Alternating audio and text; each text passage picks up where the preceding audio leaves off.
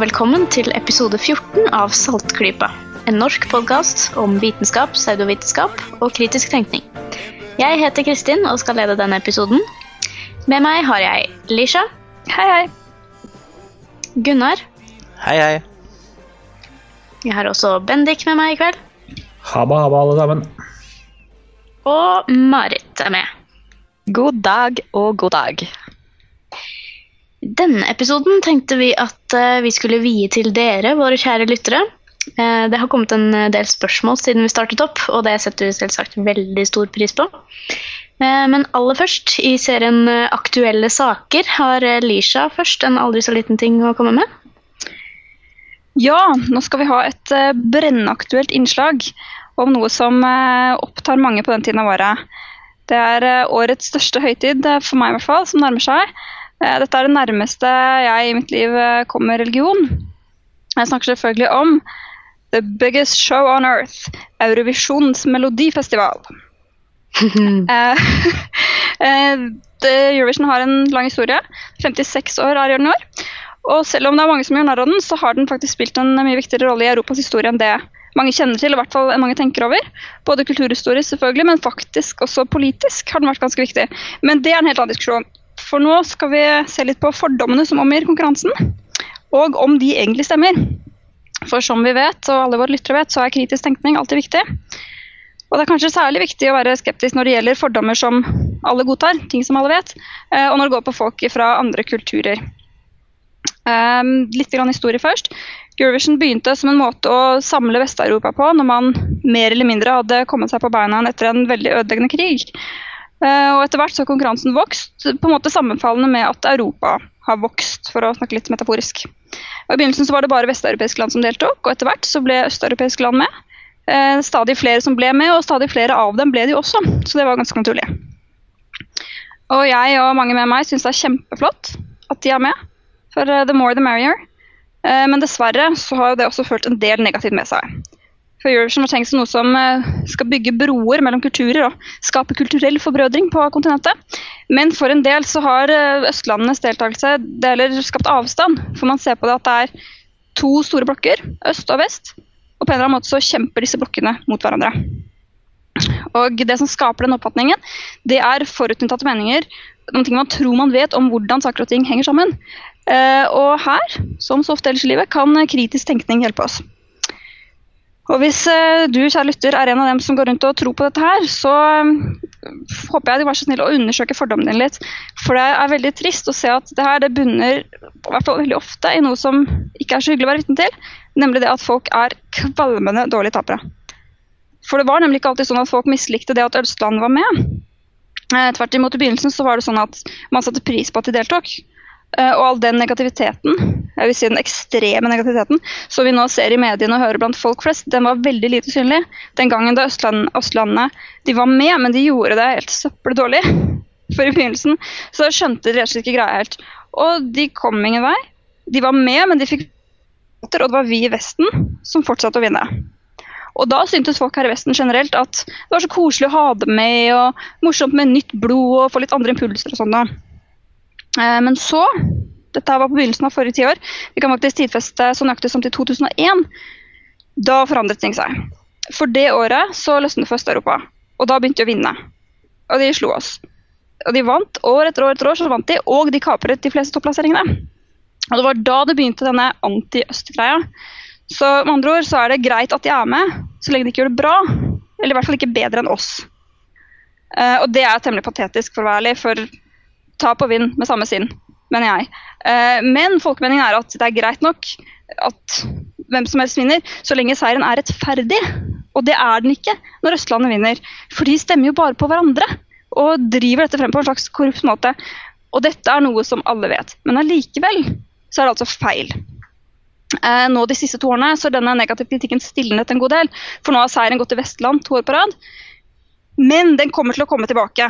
Kanskje allerede neste år, for jeg ser ikke helt bort fra at det er mulig at vi skal spise gulasj på Budas bredd i 2012. Ungarn har en veldig sterk låt i år. Så Derfor skal vi se på dette her med et skeptisk blikk nå, sånn at dere våre kjære lyttere er rustet til å motstå kritikken når den tiden kommer. Og Da skal vi til utgangspunkt i året 2007. Da nådde denne kritikken et uh, foreløpig høydepunkt. Det var et veldig ekstremt fremragende år for Østlandet, og det var et meget dårlig år for Vest-Europa, særlig kanskje for Skandinavia, og spesielt for Island. Eh, de røk ut i semifinalen. Det viste seg senere at de hadde kommet på 13.-plass. Det var da de ti beste som gikk videre. Og Islendingene ble helt hinsides forbanna, og det velta ut både edder og galle. Og det interessante var at De var ikke villige til å ta noe selvkritikk. For De klagde på det var at de hadde hatt en kjempegod låt, men det var jo ikke låta som spiller noen rolle. Det spiller bare rolle hvor mange venner man har. Og diverse Østland de gikk videre fordi alle de andre møkkalandene de der stemte på dem, uansett hvor dårlig låtene var. Og man tok overhodet ingen selvkritikk på at selv om låta faktisk var utrolig bra, det er en kongelåt, så var fremføringen den var helt drepende kjedelig. Det var den som ødela. Det var det at alle hadde sett det der 48 ganger før. Men det tok man ikke inn over seg. Det var bare den kompisstemningen som hadde ødelagt. Og når det da på søndagen kom frem at av de 77 poengene som Island hadde fått, så kom 46 fra de andre nordiske landene, da ble det forbigått i stillhet. Men Unnskyld? Jeg bare sa ha-ha. Ja, det, det snakker vi ikke høyt om. Men i hvert fall, så da, før dette så kom finalen på lørdagen, og der hersket Østlandet fullstendig overtruffent. Og vi stakkars Vestland vi hadde jo ingen sjanse. Det var Serbia som vant, og nedover topp 10 så var det bare øst, øst, øst. øst. Bokstavelig talt kanskje med ett mulig unntak hvis vi kaller Hellas æres vesteuropeere. Og i etterkant av dette så veltet det ut i alle medier med enorme mengder bitterhet og aggresjon. For det her det skyldtes jo selvfølgelig kompisstemming og intet annet. For Østlandet de stemmer bare på hverandre, og da er det nødt til å bli sånn. Og vi kan bare trekke oss fra hele greia. Jo før, jo heller. Kanskje vi skal dele Eurovision i to. Én konkurranse på øst og én på vest. Kanskje vi bare legge ned hele greia. Det kan vi like gjerne gjøre.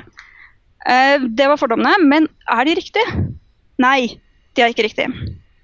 Uh, delvis så er det jo noen veldig åpenbare kortslutninger ute og går. For så ga Bosnia-Hercegovina de ga sin toller til Serbia. Og så kommer man da etterkant og sier at det er fordi at de er så gode venner og de liker hverandre så godt. og sånn. Uh, hvis det er noen som hører på dette, som etter å ha tenkt seg litt, faktisk fortsatt mener det der, så er dere virkelig nødt til å lese det litt opp altså på nyere europeisk historie.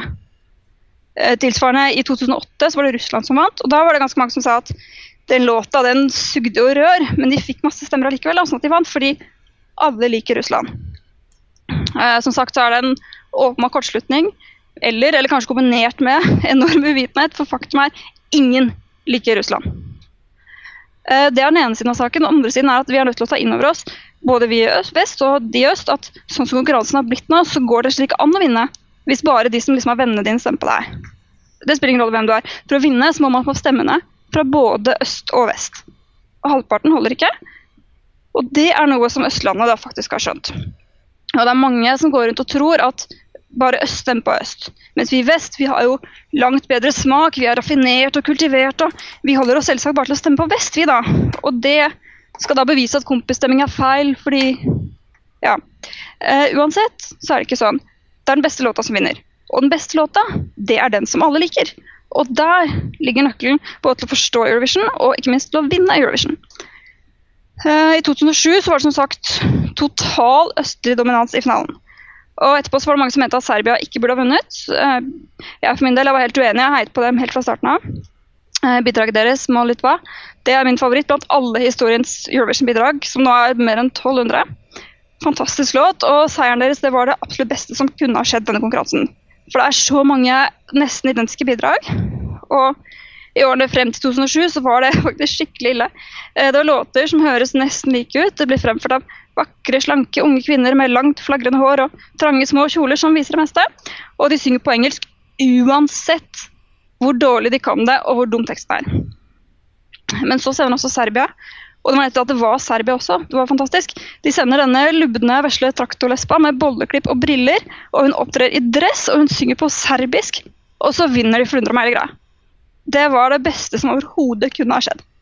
Men det var mange som var uenige, og de mente at dette burde ikke ha skjedd. Og at det ville heller aldri ha skjedd hvis det ikke var for denne forbannede kompisstemmingen, som da de mente var i ferd med å ødelegge hele konkurransen. Og i den kritikken her så la man seg faktisk temmelig tett opp til korrupsjonsanklager. Og det er ganske drøyt, for korrupsjon det er et lovbrudd. Og jeg syns det er ganske ille å gå rundt og anklage folk for det. Og det er også ganske drøyt å si at folk, eller faktisk en gruppe med folk, ikke fortjener å delta i en konkurranse. Det er ganske drøyt, og det er ganske sårende. Og kanskje særlig når de nettopp har vunnet den nevnte konkurransen. Men hvis vi ser litt nærmere på denne saken, Hvis det er sånn at nabostemmene avgjør, da må det jo også være sånn at å fjerne nabostemmene, det forandrer alt. ikke sant? Det må det jo være. Og hvis vi ser på topp fem i 2007 med alle stemmene, både øst og vest, altså sånn topp top fem, top i 2007, sånn som det faktisk var, det var Serbia, Ukraina, Russland, Tyrkia, Bulgaria. Det var med bestemmer fra både øst og vest. Og hvis vi nå fjerner øststemmene, sånn at bare våre høyverdige og eksklusive veststemmer teller med, da må jo topp fem bli helt annerledes. Ikke sant? Det må forandre seg helt. Eh, men Vestlandets topp fem i 2007, det ville ha vært Serbia, Ukraina, Tyrkia, Russland, Bulgaria. Så grunnen til at Østlandet vinner, det er ikke det at de bare stemmer på hverandre. Men grunnen til at de vinner, det er at vi også stemmer på dem. Eh, dere kan jo gjette, kjære panel, hvem var som fikk Norges tier i 2007? For tolveren ga vi selvfølgelig til Sverige, som svenskene mener er deres eh, selvfølgelig rett. Men tieren, hvem fikk den? Jeg kan gjette på England. Serbia, selvfølgelig. Eh, vi stemte masse på Serbia, og det viser også at den låta vinner som alle liker. Det var noe vi selv dro fordel av med vår knusende rekordseier i 2009. Og Kompisstemning det er, det er sånn som foregår litt overalt i hele Europa, og det er ikke noe galt i det. Og Det handler ikke om korrupsjon, det handler bare om at land som er nært kulturelt beslektet, de finner lettere musikk de liker hos hverandre, enn hos land som er fjernere fra dem. Men kompisstemmene de holder uansett ikke. For låt som vinner, den må slå an over hele Europa. Og nettopp sånn som konkurransen skaper faktisk tenkte seg det, må samler samle landet i musikalsk forbrødring. Og Neste gang kritikken mot Østland dukker opp, det blir som sagt kanskje allerede neste år, så håper jeg at lytterne våre i hvert fall vil tenke seg om og ikke bli med i det hyllekoret. For Østlandet de driver ikke med korrupsjon og de vil ikke ødelegge konkurransen. De gjør bare det beste de kan. De satser hardt og de sender det beste de har. Og vi i vest vi gjør ganske sjelden det samme, men når vi gjør det, da vinner jo faktisk vi også. Og før man begynner å snakke om at noen fortjener eller ikke fortjener å være med i Eurovision Song Contest, så bør man kanskje se seg i speilet og spørre seg om hvem det egentlig er som fortjener å være med, når ikke vi selv engang gidder å stemme på den dritten som vi sender inn. Eh, jeg skal ikke si så mye mer enn det. Men en sak har alltid minst to sider. Og det viktigste det er ikke å vinne, det er å delta. Og her er det over 40 land som er med, og det kan bare være én vinner. Så jeg syns vi skal ikke henge oss så mye opp i hvem det er som vinner. Vi skal ha det moro med konkurransen. Og alle de galningene som nå strømmer til Düsseldorf. Fra Russland i øst til Portugal i vest. Fra Norge i nord til Israel i sør. Dette er en helt unik happening. Vi skal være veldig glad for at den fins, og det tror jeg nok de fleste også er innerst inne. Og helt til slutt så vil jeg si lørdag 14. mai, stem på Frankrike!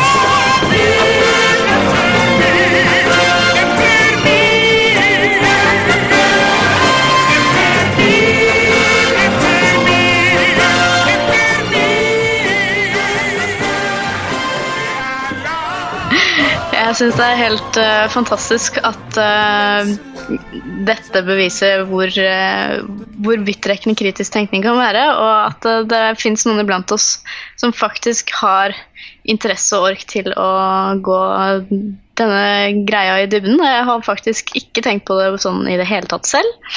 så det er skikkelig kult, egentlig.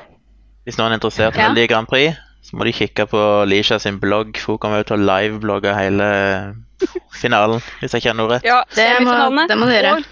Ja. Jeg må dra frem denne her uh, hvis jeg skal på Grand Prix-party i år. Det skal jeg gjøre.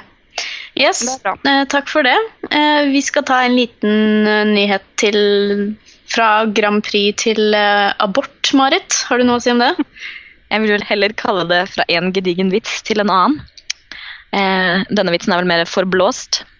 Det var da i forrige uke det ble rapportert i alle de store avisene at uh, abortlegen i Flekkefjord nektet å utføre aborter fordi han var redd for å få stein gjennom vinduet fra religiøse fundamentalister. Og dette ble nevnt i alle de store avisene. Bergens Tidende, Aftenposten, NRK hadde en sak om det. Uh, men det viste seg dagen etter uh, allerede at det hele hadde vært basert på en vits. Eh, abortlegen sier denne saken har kommet ut av proporsjoner. Det er riktig at kirurger i Flekkefjord ikke foretar abortinngrep, men slik har det vært i over 30 år, forklarer legen. Og det hele baserer seg da på at uh, noe ble sagt i en humoristisk tone, og en uh, journalist uh, plukket det opp og ja, det var da en fjær som ble til fem høns. Og jeg bare synes at denne saken illustrerer utrolig godt hvor fort ting og interessante saker kan blåses opp og, og, og gå utover alle støvleskaft. Altså, dette er jo en kjempeinteressant sak, hadde det vært reelt. Men det var liksom ingen som tok eh, tak i saken og ba eh, de opprinnelige legene om en uttalelse. Ingen som gadd det ringe tilbake. De bare gjenga eh, den opprinnelige historien eh, igjen og igjen og igjen. Til den var spredt eh, over alle hauger og eh, ganske vanskelig å trekke tilbake igjen dagen etter. Det er, det er vel sånn typisk liten journalistikk-blemme, det. Jeg syns den mest graverende feilen var at den overlegen påsto at det var fem fjær, så det ble til fem høns. Ja, det er en Ja, det ganske er veldig sant. feil. Det er eh, absolutt en, en feil eh, leger ikke burde gjøre. Altså Fem fjær må nødvendigvis bli til 25 høns, skal en følge logikken. Ja, han eh, er jo virker veldig udannet, da. Han gjør et veldig udannet inntrykk. Mm. Det må da lov. Men, men blir det ikke én blir ikke én fjær til ti høns? Nei, én fjær blir til fem fem. høns, og da må fem fjær bli til 25 høns. Kanskje det fins flere skoler av dette her? Nei. Kanskje. Nei, det gjør det ikke, Uansett. Eh, Gunnar, kan ikke du lese opp den VG-overskriften jeg har foran meg her? Den syns jeg var litt morsom. Start skeptiske til Mathisens serbiske morkakekur. Ja, flott Den der overskrift. fortjener en Nå, latterkrampe. nå men ble har jeg ikke en e-mail. interessert. Det handler om en sak der tydeligvis eh, det er ei eh, kjerring nede i et eller annet land. Hva var det landet var? Serbia, ja. Det sto jo det i overskriften. Som heter Mariana Kovacevic. Eller Kovacevic, eller noe i den duren. Som visstnok er blitt veldig kjent for å behandle spesielt fotballspillere som har forstrukket en muskel eller skada seg på et eller annet vis ved hjelp av væsken fra morkaken til en hest og litt elektrisitet, elektrisitet som hun da sender gjennom, Mm. kombinert med litt massasje og sånn, som jeg har forstått.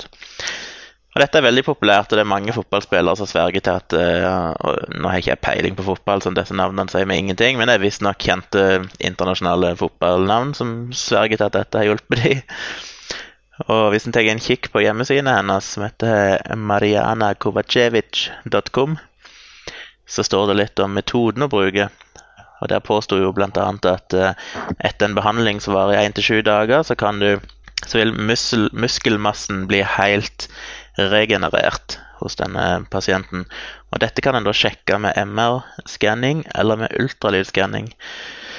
Og denne VG-saken Ja, handler jo ja, så gjør man det. Og denne VG-saken handler jo om denne her eh, fotballspilleren Jesper Mathisen, som mener at han reiste ned og ble kjempefrisk. Mens eh, hans eh, Start sin fysioterapeut Jørgen Rostrup sier at MR-bildene vi tok etterpå, og ultraly ultralyden, viste at det fortsatt sitter en skade der. Og han vil altså ikke kalle behandlingen vellykka. Og så vidt jeg har skjønt, så hvis Liverpool vurderte å ansette henne for å behandle deres spillere. For de er kjempefornøyde. Men jeg tror vi kan være ganske trygge på at dette her er nok aller mest en eh, god gammeldags placeboeffekt de opplever. For det er ingenting som eh, tyder på at det er en plassensereffekt, kanskje? Sorry, altså. Absolutt. Ja, nei, det var uh, interessant hva som skjer. Uh, jeg har selvfølgelig da ikke fått med meg dette her, for jeg leser verken fotballnyheter eller fotballnyheter i VG, for den saks skyld. Men uh, ja. Bare et Jeg åpent vi, spørsmål. Det er et åpent spørsmål Ja. til hele panelet. Hvem her i panelet ville ha lest den artikkelen der på egen hånd? Not me. Ja. Ingen er som leser fotballnyhetene til VG ellers, nei. Dette var altså et. Det eh, var en eh, dette var et lyttertips. Et lyttertips via Twitter, så det setter vi pris på. Og der, der ser man, der, der ser vi hvor, hvor, hvor stor pris vi setter på det. Når jeg ser sånne artikler, så lurer jeg alltid på eh, eh, hvordan, eh, hvordan fant hun på å prøve med morkake fra hest? Liksom. Altså, ikke sånn Nei, la oss prøve å gni ham på noe, men morkake fra hest? Det går vel ut på at en, uh, man tenker liksom på alle næringen som finnes i en morkake, og at det sikkert er veldig helsebringende. Og så tenker man på hester som er flinke til å løpe og har mye muskler. Jeg vet ikke, jeg Og veldig peiling. sterke, da. Ja. Da blir du også så sterk som dem hvis du Ja, ja, ja. et eller annet. Ja. Ja, ja. Dette kom jo da som et eh, Twitter-tips, som vi hørte. Og eh, som eh, lovt skal vi i denne resten av denne episoden komme med masse eh, spørsmål fra våre lyttere. Eh, aller først er det på sin plass å minne om at dere må fortsette å gi tilbakemeldinger og ris og ros, og sende inn nyhetstips og spørsmål til oss, sånn som dere har vært relativt flinke med å gjøre. Det syns vi er bra. Det kan dere gjøre på e-post. Dere kan gjøre det i kommentarfeltet på hjemmesiden vår eller på Facebook og Twitter, eller til og med legge igjen en talebeskjed på Skype. Og all informasjon om det her finner dere selvfølgelig på saltklypa.no. Eh, Noen spørsmål som vi har fått, uh, syns vi egentlig er såpass omfattende eller interessante at vi eh, har lyst til å ta det som et eget innslag i en senere episode også. Så hvis ikke ditt spørsmål kommer med eh, her, så kan det godt hende at vi eh, har spart den til en senere anledning. Eh, Vi går rett på første spørsmål vi har fått, og det er fra Anders, som spør følgende. Fra tid til annen hører man uh, homeopatitilhengere argumentere med at uh, ja, men det er jo mange leger som har gått over til å begynne med homeopati. Uh, og han spør vet dere om noen slike tilfeller i Norge. Ja, eh, jeg vet i hvert fall om eh, et par tilfeller, eh, men jeg har ikke så veldig mye mer å si om det enn det. Jeg vet om et par tilfeller hvor homeopater har gått over til å bli leger. Du sa homeopater Ja, har gått eh, over til å bli leger. Var kanskje omvendt. Ja, jeg mente nok omvendt. Uh, ja, så jeg vet altså om et par tilfeller hvor uh, leger har gått over til å bli homeopater. Uh, og stort sett så er de veldig godt orientert om, eh, om forskningen og sånn, men eh, det aner meg likevel at eh, ja, det er noen bakenforliggende årsaker der, eller at eh, de kanskje ignorerer noen deler av forskningen. Jeg tror det er viktig å få fram dette her med at det, det, høres, det er litt spissa tror jeg, å si at leger har gått over til å begynne med homopati. Jeg tror ikke det er mange leger som forkaster det de har lært innenfor konvensjonell medisin for å starte med homopati, men jeg tror nok en del kanskje føler at det kan være en tilleggsbehandling de kan gi. At de ser at pasientene ønsker det, og de opplever at pasientene har en positiv eh, effekt av det. Og så er de kanskje ikke så opptatt om det egentlig virker, eller hvorfor det virker, men ja. Så jeg tror ikke jeg tror det er en kombinasjon. Jeg tror det blir en tilleggsting. Jeg tror ikke det er sånn at de oppdager for en aha-opplevelse oppdager at oi, homopatien har rett og kan kurere kreft og aids og alt mulig, og da bare forkaster jeg alt jeg har lært i medisinutdanningen min og begynner som homopat. Jeg tror nok det er en kombinasjon jeg, som går litt over Ja. hverandre. Jeg tror det, det du nevnte, hører til de aller, aller sjeldneste tilfellene. Um, og det Ja, jeg tror, det, jeg tror nok det har noe med at leger noen ganger tar seg litt tilleggskurs i forskjellige alternative eh, ting. Altså homopati, akupunktur, sånne ting. Ehm, Anders spør videre. Eh, det virker som om eh, da akupunktur er mer akseptert enn all, eh, de fleste annen alternativ medisin. Og han hører ofte at såkalt ikke-alternative folk nevner at det er bevist å fungere f.eks. mot smerte. Og han lurer på om vi kan gå gjennom litt av hva som finnes av forskning her, eller om det finnes noen gode studier som støtter dette, eller eh, er det stort sett hipp hvor man stikker disse nålene? Er det noen som har, har noen tanker? Ja, jeg uh, har lest en del bøker om dette her, riktignok fra den skeptiske synspunktet, men det er gjort en del uh, dobbeltblindet placebokontrollerte akupunkturstudier, hvor man da enten stikker nåler på måfå på folk, eller bruker falske nåler som eh, ikke stikker gjennom huden. Og pretty much så funker det like bra. Det er veldig typisk. Jeg synes det er viktig å nevne det at akupunktur, i motsetning til homøopati, har egentlig alltid vært ganske akseptert hos skeptikeren. Ikke fordi det nødvendigvis virker, men fordi det ikke det er ikke urimelig at det skal virke. Altså Det å stikke nåler i folk og gjøre en helt konkret behandling der du faktisk manipulerer et eller annet i kroppen, eh, vil en kunne tro kan fungere, enten om det er fordi at fri frigir endorfiner eller et eller annet. Mens homopati er på en måte bare helt over i woo-woo Magi. land. Ja, det er religion og magi. ikke sant? Det finnes ingen forklaring på hvorfor det skulle fungere. Men det morsomme med akupunktur er jo at mens egentlig skeptikerne var relativt positive til det og åpne til det, så føler jeg at hvis en fyrer litt mer på den forskningen som er gjort i det siste, så begynner det å bli mindre og mindre. Altså Jo mer de forsker på den, og jo mindre ser det ut til at det faktisk fungerer. Og Som Bendik sier, så er det utført en del studier, og de endelig liksom har utvikla disse hule nålene med sånn teleskoppulse som gjør at nålen trekker seg inn i skaftet når du trykker, og dermed kan fake akupunkturen. Jeg vet ikke om du kan kalle det dobbeltblindt, men det er iallfall blinde. Jeg vet ikke om det er godt nok til å være dobbeltblindt, men eh, Ja, det er den kanskje ikke. Og igjen, altså, de mange studier som viser at du kan stikke med tannpirkere istedenfor nåler. Pasienten får samme effekt. Du kan stikke i tilfeldige punkter. Pasienten opplever samme effekt. Du kan stikke mye grunnere enn det du egentlig skal, for du skal egentlig stikke nåler ned til en viss dybde for å treffe de rette punktene, men stikker du mye grunner, så vil du fortsatt pasienten få samme effekt. Og Det ble jo nylig gjort en ganske en fin studie som sammenligna forskjellige grupper som fikk akupunkturbehandling, der de hadde forskjellige akupunktører som sa i den ene gruppa så var akupunktøren veldig positiv og optimistisk og sa at dette her kommer til å hjelpe og ha veldig stor effekt på din lidelse. Mens i en annen gruppe så var han mer nøytral og nøktern og bare på en måte gjorde behandlingen uten å love gull og grønne skoger. Og effekten hos de som fikk ble lova gull og grønne skoger, var selvfølgelig som forventa mye, mye større enn de som hadde den litt nøkterne behandleren. Som igjen viser at det her er det veldig veldig mye placeboeffekt ute og gjenger. Altså det er konsultasjonen, og det er samtalen, og det er alle ritualene som blir utført omkring akupunkturen, som stender for en veldig stor del av effekten.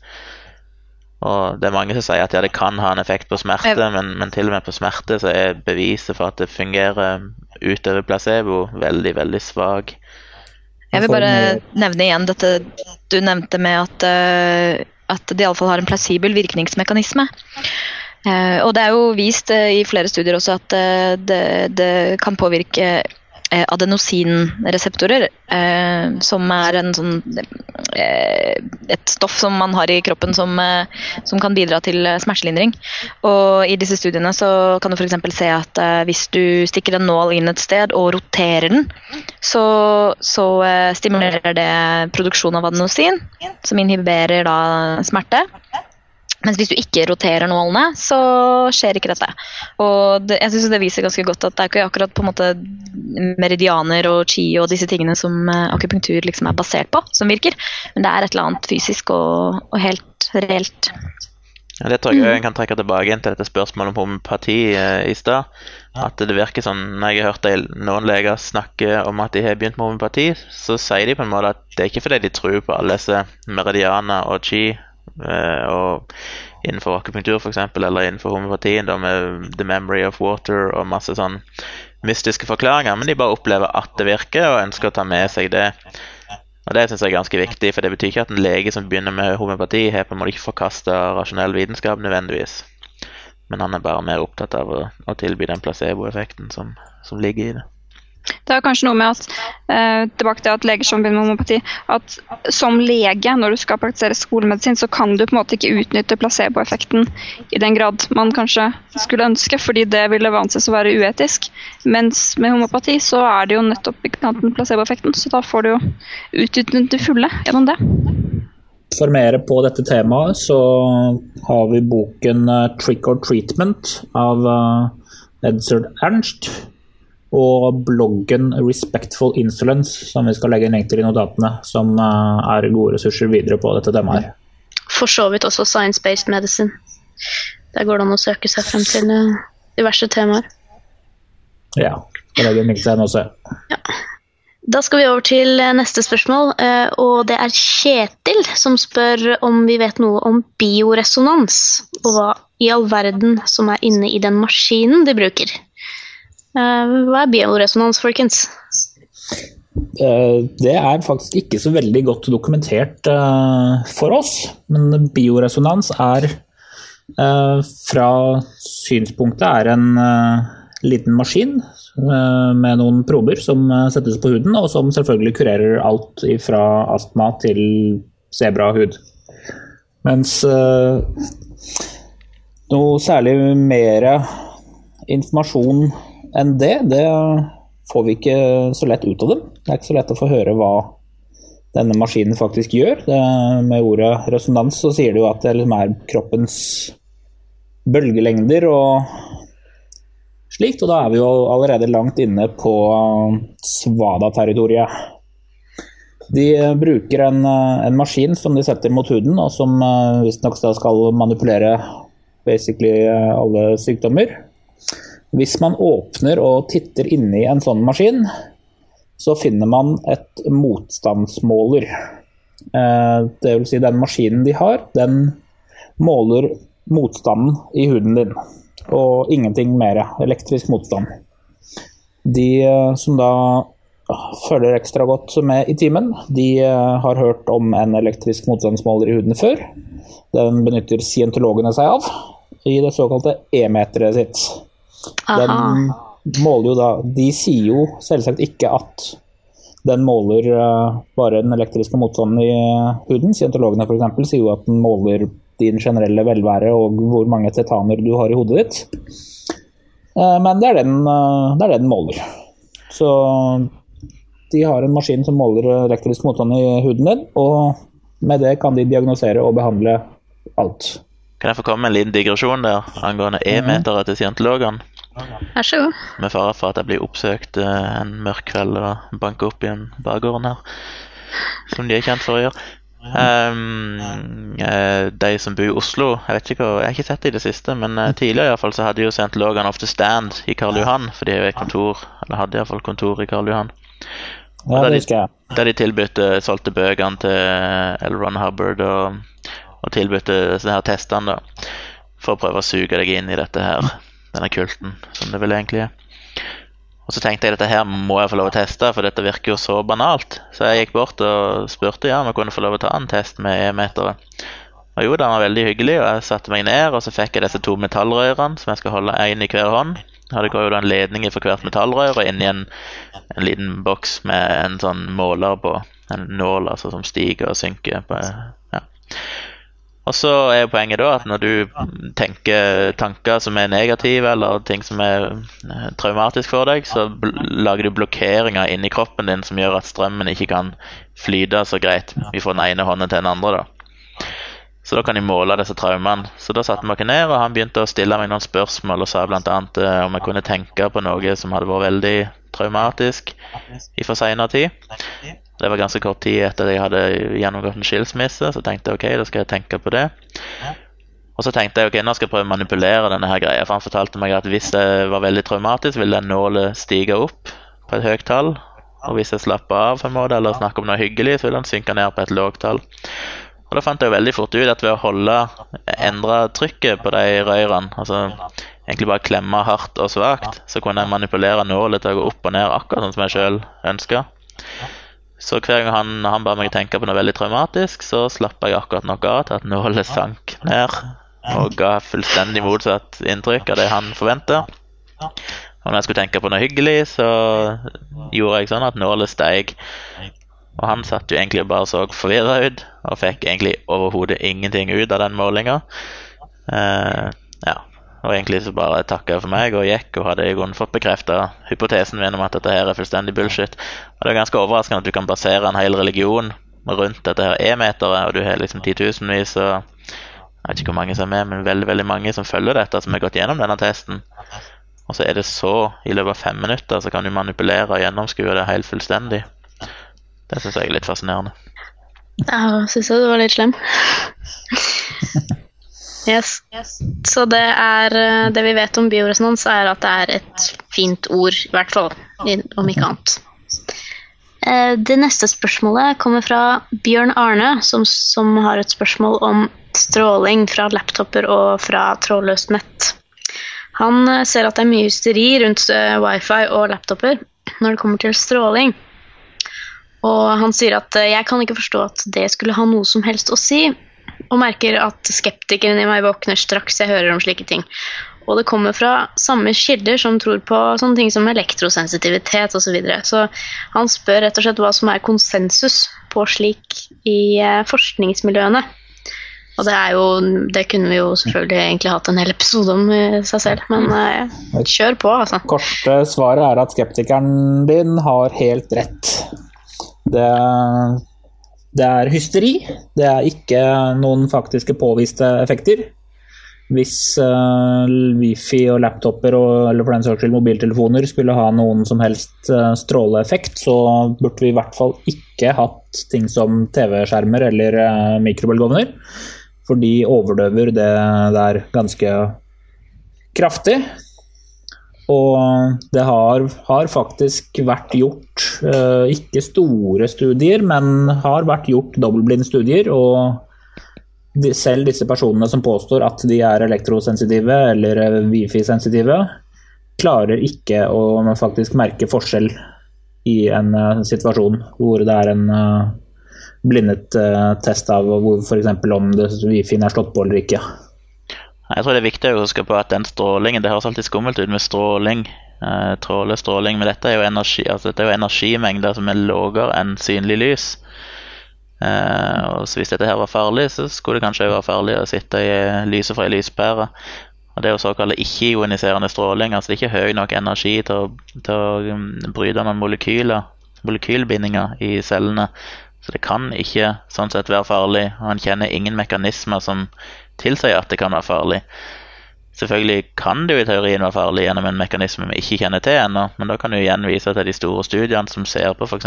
kreftutviklingen, som viser at det ikke var noen økning i krefttilfeller eh, de siste ti årene. Og Når det gjelder dette du spør om det er konsensus, så er det jo i aller høyeste grad konsensus på at det ikke er farlig. Men diskuterer du med folk som påstår at de lider av elektrosensitivitet, og mener at det er farlig, så vil de som regel alltid henvise til et par forskere. Den ene er ei dame som heter Magda Havas. Og det er stort sett hun som går igjen alltid. Så det er egentlig hun mot titusenvis av fagfolk som mener at dette ikke er farlig. Men hun driver da med en veldig klar agenda og forsker på dette, og mener f.eks. at hun er påvist at, at det er endringer i f.eks. hjertefrekvensen hos folk som blir utsatt for mobilstråling.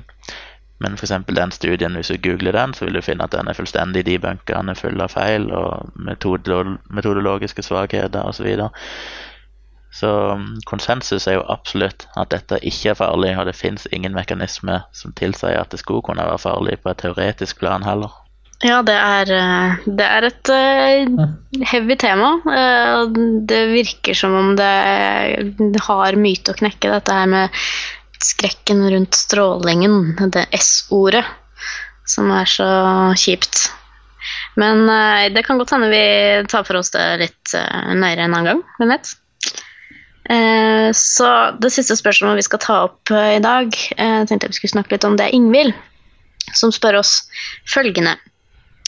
Jeg synes det er litt vanskelig å være skeptiker i sosiale sammenhenger. For så var jeg på lunsj med en gjeng venner og bekjente her en dag, hvor en person sier at eh, espresso er renere enn filterkaffe. Jeg har over gjennomsnittlig god peiling på kaffe, så jeg begynner å stille et spørsmål rundt påstanden som eh, hva er det som er skittent i filterkaffen, og hvordan kan det være forskjell når begge to har nøyaktig samme bestanddeler, nemlig kaffe og vann. Og den personen som da i utgangspunktet hadde kommet med påstanden, eh, fikk etter hvert problemer med å svare for seg, og det endte med en litt ekkel ekkel stemning. Og at jeg på en måte ble den slemme som hadde gjort narr av den andre. Og hun sier at det blir liksom til at man bare må la helt hårreisende og idiotiske påstander passere. For hvis man er kritisk, så er man en intolerant og slem drittsekk. Så hun spør altså da hva gjør dere i slike sammenhenger? Og jeg kan begynne å si at uh, jeg kjenner meg veldig igjen der. Jeg har, føler at jeg har litt igjen å gå før jeg blir litt som den modige skeptikeren som tør å ta, ta opp sånne lange lange argumentrekker over middagsbordet eller i andre sosiale sammenhenger. Så ja, jeg kjenner meg igjen og synes det er vanskelig å prøve å være drittsekken da, i den situasjonen. Jeg vet ikke hva, hva, hvordan dere andre takler sosiale situasjoner. Når du hører det spørsmålet, det første jeg, jeg tenker har, på, er jo uh, det fantastiske diktet 'Storm' av Tim Minchin. Det er jo det, ja. Altså Det er jo akkurat den klassiske situasjonen. Skal du si noe, eller skal du holde kjeft? Skal du være stille? Skal du bli upopulær, eller skal du bare være venner og la det gå, liksom? Mm. Og det går til et visst punkt, men så kommer kanskje Så bryter det denne bullshit-smertegrensa, og da må du liksom bare si et eller annet. Jeg har eh, havnet inn i et par sånne diskusjoner eh, litt uforvarende, fordi at jeg har eh, ytret meg i, i, lag med mange venner som vet akkurat hvor jeg står og hva jeg mener. Og, og sånn, og så har det tilfeldigvis sittet en på den andre enden av bordet som kanskje ikke egentlig delte disse meningene. Um, for, ja, for, min del så, så, handler det mye om uh, spørsmålene, som, som Ingvild også tydeligvis prøver å, å stille. Uh, ikke bare si 'det der du sier nå, det er feil', men på en måte stille disse spørsmålene. Da. Hvordan virker det, eller hvordan kjenner du til dette her? Eh, og For min del så har jeg også et par ganger hatt stor suksess med eh, er, du åpen for, er du åpen for at du kan ta feil? Eh, eller eh, ja, hva skal til for å overbevise deg om noe annet? Ja, og I en sånn sammenheng så var det jo da den andre som eh, jeg spurte, Hun sa at jeg ikke var åpen, at jeg hadde lukket sinn osv. Og, så videre, og, så, og så endte hun da sin lille tirade med å si at men jeg vet hva jeg har opplevd, og du kan ikke fortelle meg noe som helst annet. Da er du vel ikke så veldig åpen, sa jeg. Og så lo alle sammen, og så var diskusjonen over. Så, men egentlig så var alle veldig sånn Det var hyggelig, da. Det var hyggelig fortsatt etterpå. men jeg tror det er litt av poenget, dette her med choose your battles. Altså, når jeg altså, diskutere personlige ja. opplevelser er fullstendig umulig. Jeg opplever jo stadig vekk det jeg snakker med folk, og så er de, de vet jo hva jeg stender for, og så er de enige, og de anser seg som skeptikere, men så er det alltid et eller annet, f.eks. at de har bodd i et hus en gang der de mente det var spøkelser, og de kunne ikke bortforklare sånn og sånn. Og For meg da så blir det ganske meningsløst å gå inn i en diskusjon om det, for dette er ting de har opplevd. Og det kan du aldri ta ifra dem. Altså, har de opplevd det, så vil det veie tyngre enn alle argumenter.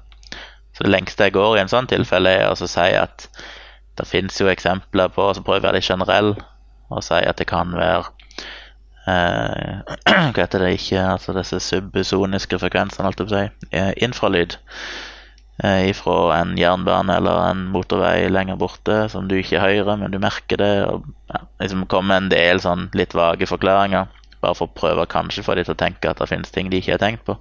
Men uten å gå i direkte klinsj og prøve å forklare akkurat det de har opplevd, for det klarer du som regel ikke å overbevise dem om uansett. De ønsker å tro at det, som regel ønsker de å tro at det var et spøkelse. En uh, annen ting som ofte skjer, er jo, for å gå tilbake til eksempelet til Yngvild, er uh, når påstanden kommer espresso er renere enn filterkaffe. Dette her, Personen som la fram denne påstanden, kan jeg da, for å gå med antakelser, tenker meg at dette var noe den hadde hørt eller lest et sted, men ikke backet opp i noe særlig grad, eller har fått hørt påstanden, men ikke begrunnelsen, f.eks. Og da når Ingvild kommer med sine oppfølgingsspørsmål om uh, hvordan det, så er dette noe som personen ikke kan svare på fordi kunnskapen ikke strekker så langt. Og da blir man jo også automatisk drittsekken uh, fordi man da vet du mer enn eh, Eller da stiller du spørsmål som den personen ikke klarer å svare på. Ja, det er, kjipt å være bedreviter i Norge. Ja, janteloven er i full effekt. Det er sant. Men en ting som jeg vil påpeke der, da, det er selvfølgelig kjipt å være bedreviter, men samtidig så er det litt viktig å være ikke bedreviter, men i hvert fall ha kunnskapen inne. Eh, sånn at hvis du skal begynne å plukke fra hverandre, sånn, da bør du være sikker på at du selv vet hva du snakker om. Sånn at ikke de slenger ut et eller som kan være helt fullstendig på trynet, selvfølgelig, men som du ikke kan svare på. For det er jo en feil som mange gjør, at hvis jeg kan komme med en påstand som motparten ikke kan besvare, da går de på en måte med på at den er riktig. Uh, sånn er det jo ikke, men mange tar det sånn. Og da gjelder det at man faktisk vet hva man snakker om. Så hvis man ikke er en bedre viter, hvis man ikke er ganske sikker på at man vet hva som er hva, så bør man også tenke seg litt om om dette er den debatten man ønsker å bi seg inn i. Akkurat der og da. Ja, det er et viktig poeng. Ja, det, jeg vet ikke om det er noen andre, andre innspill til uh, det å være skeptiker i sosiale sammenhenger. Uh, jeg har hatt én diskusjon hvor jeg har utfordret noen med faktapåstander, og de til slutt slengte armene i været og sa Fy flate, du har overbevist meg om at jeg ikke vet noen ting om dette her, og jeg skal slutte å uttale meg om det. ja, sånn kan det gå. det ja. kan skje. Ja. ja. Det viktigste å ta, ta, ta, med seg her, er at å prøve å tenke over spørsmålene man stiller, og, og, og hvordan man stiller dem. Hvordan man stiller dem, og det skal jo selvfølgelig, Hvis man ønsker at det fremdeles skal være en hyggelig samtale, så bør man selvfølgelig prøve å trå litt varsomt. Det spørs jo helt på temaet, da. Yes, folkens. Det var eh, mange bra spørsmål. Jeg tenkte at eh, etter denne lille seansen her, så skal vi la ett av spørsmålene inngå i vår ukens anbefaling. Og det er Jan som spør om vi kan anbefale en god bok som tar for seg litt grundig hva placebo er, og hvordan det funker. på en lett og forståelig måte for en som ikke akkurat er noen vitenskapsmann. Er det noen som har en bok å anbefale, Jan. Helt klart. Det er, eh, Bad Science av eh, Ben Goldacre. Yes, den er fin. Han tar opp eh, placeboeffekten i et eh, langt og grundig kapittel, eh, og kommer med mange veldig gode eksempler fra vit vitenskap og vitenskapelig metode. Så det den kan, den kan dere Den er dessverre ikke oversatt til norsk. I tillegg så går han gjennom veldig mye forskning og placebo-kontrollert forskning og forklarer uh, hvordan det foregår og hvorfor det er viktig, og hvilke misforståelser som kan oppstå hvis man ikke kontrollerer ordentlig. Så en veldig viktig bok. Eh, mange av eksemplene hans er engelske, men uh, prinsippene er generelle og holder veldig bra. Absolutt. Det skal sies at uh, Goldacre er uh, usedvanlig stor fan da, av, av, eh, av eh, placeboeffekten, og det finnes eksempler på andre, andre mennesker i skeptikermiljøet eh, som, som kanskje tar det placeboeffekten litt mer nøkternt enn han, men det, det er bare noe å ha i bakhodet. Men det er utvilsomt en veldig interessant greie. Så da anbefaler vi Bad Science. Det er en fin bok. Det er sånn bok som man kan kjøpe i julegave til alle vennene sine. Da tror jeg vi eh, avrunder eh, denne episoden her. Det ble jo en eh, ganske fyldig episode. For å holde dere litt på pinebenken på neste gang vi skal snakkes, så kan vi si at det nettopp har vært en debatt i Litteraturhuset her i Oslo om alternativ behandling. Det er Ingen liker å bli lurt-aksjonen til Human-Etisk Forbund som har vært ansvarlig for den.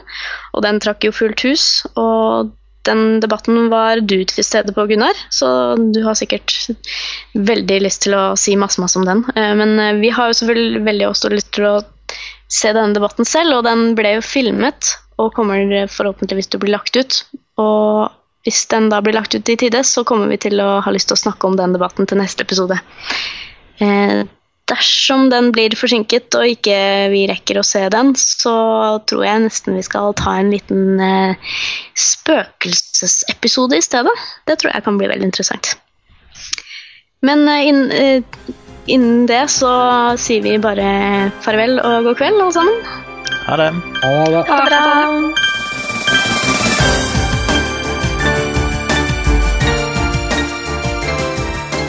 Saltklypa er en norsk podkast som tar for seg vitenskap og pseudovitenskap i samfunnet med et kritisk blikk. Podkasten produseres og drives på frivillig basis av seks personer, helt uavhengig av noen organisasjon. Vi vil gjerne høre fra deg. Hvis du har spørsmål eller kommentarer til dette eller andre avsnitt, kan du sende oss en mail, legge igjen en talebeskjed på Skype eller skrive en kommentar på vår nettside. Informasjon om dette, samt linker og notater til det vi har snakket om, finner du på saltklypa.no. Denne episoden ble produsert uten Andreas, som, for å svare på det hyppigste spørsmålet vi får inn på mail, dessverre ikke er singel.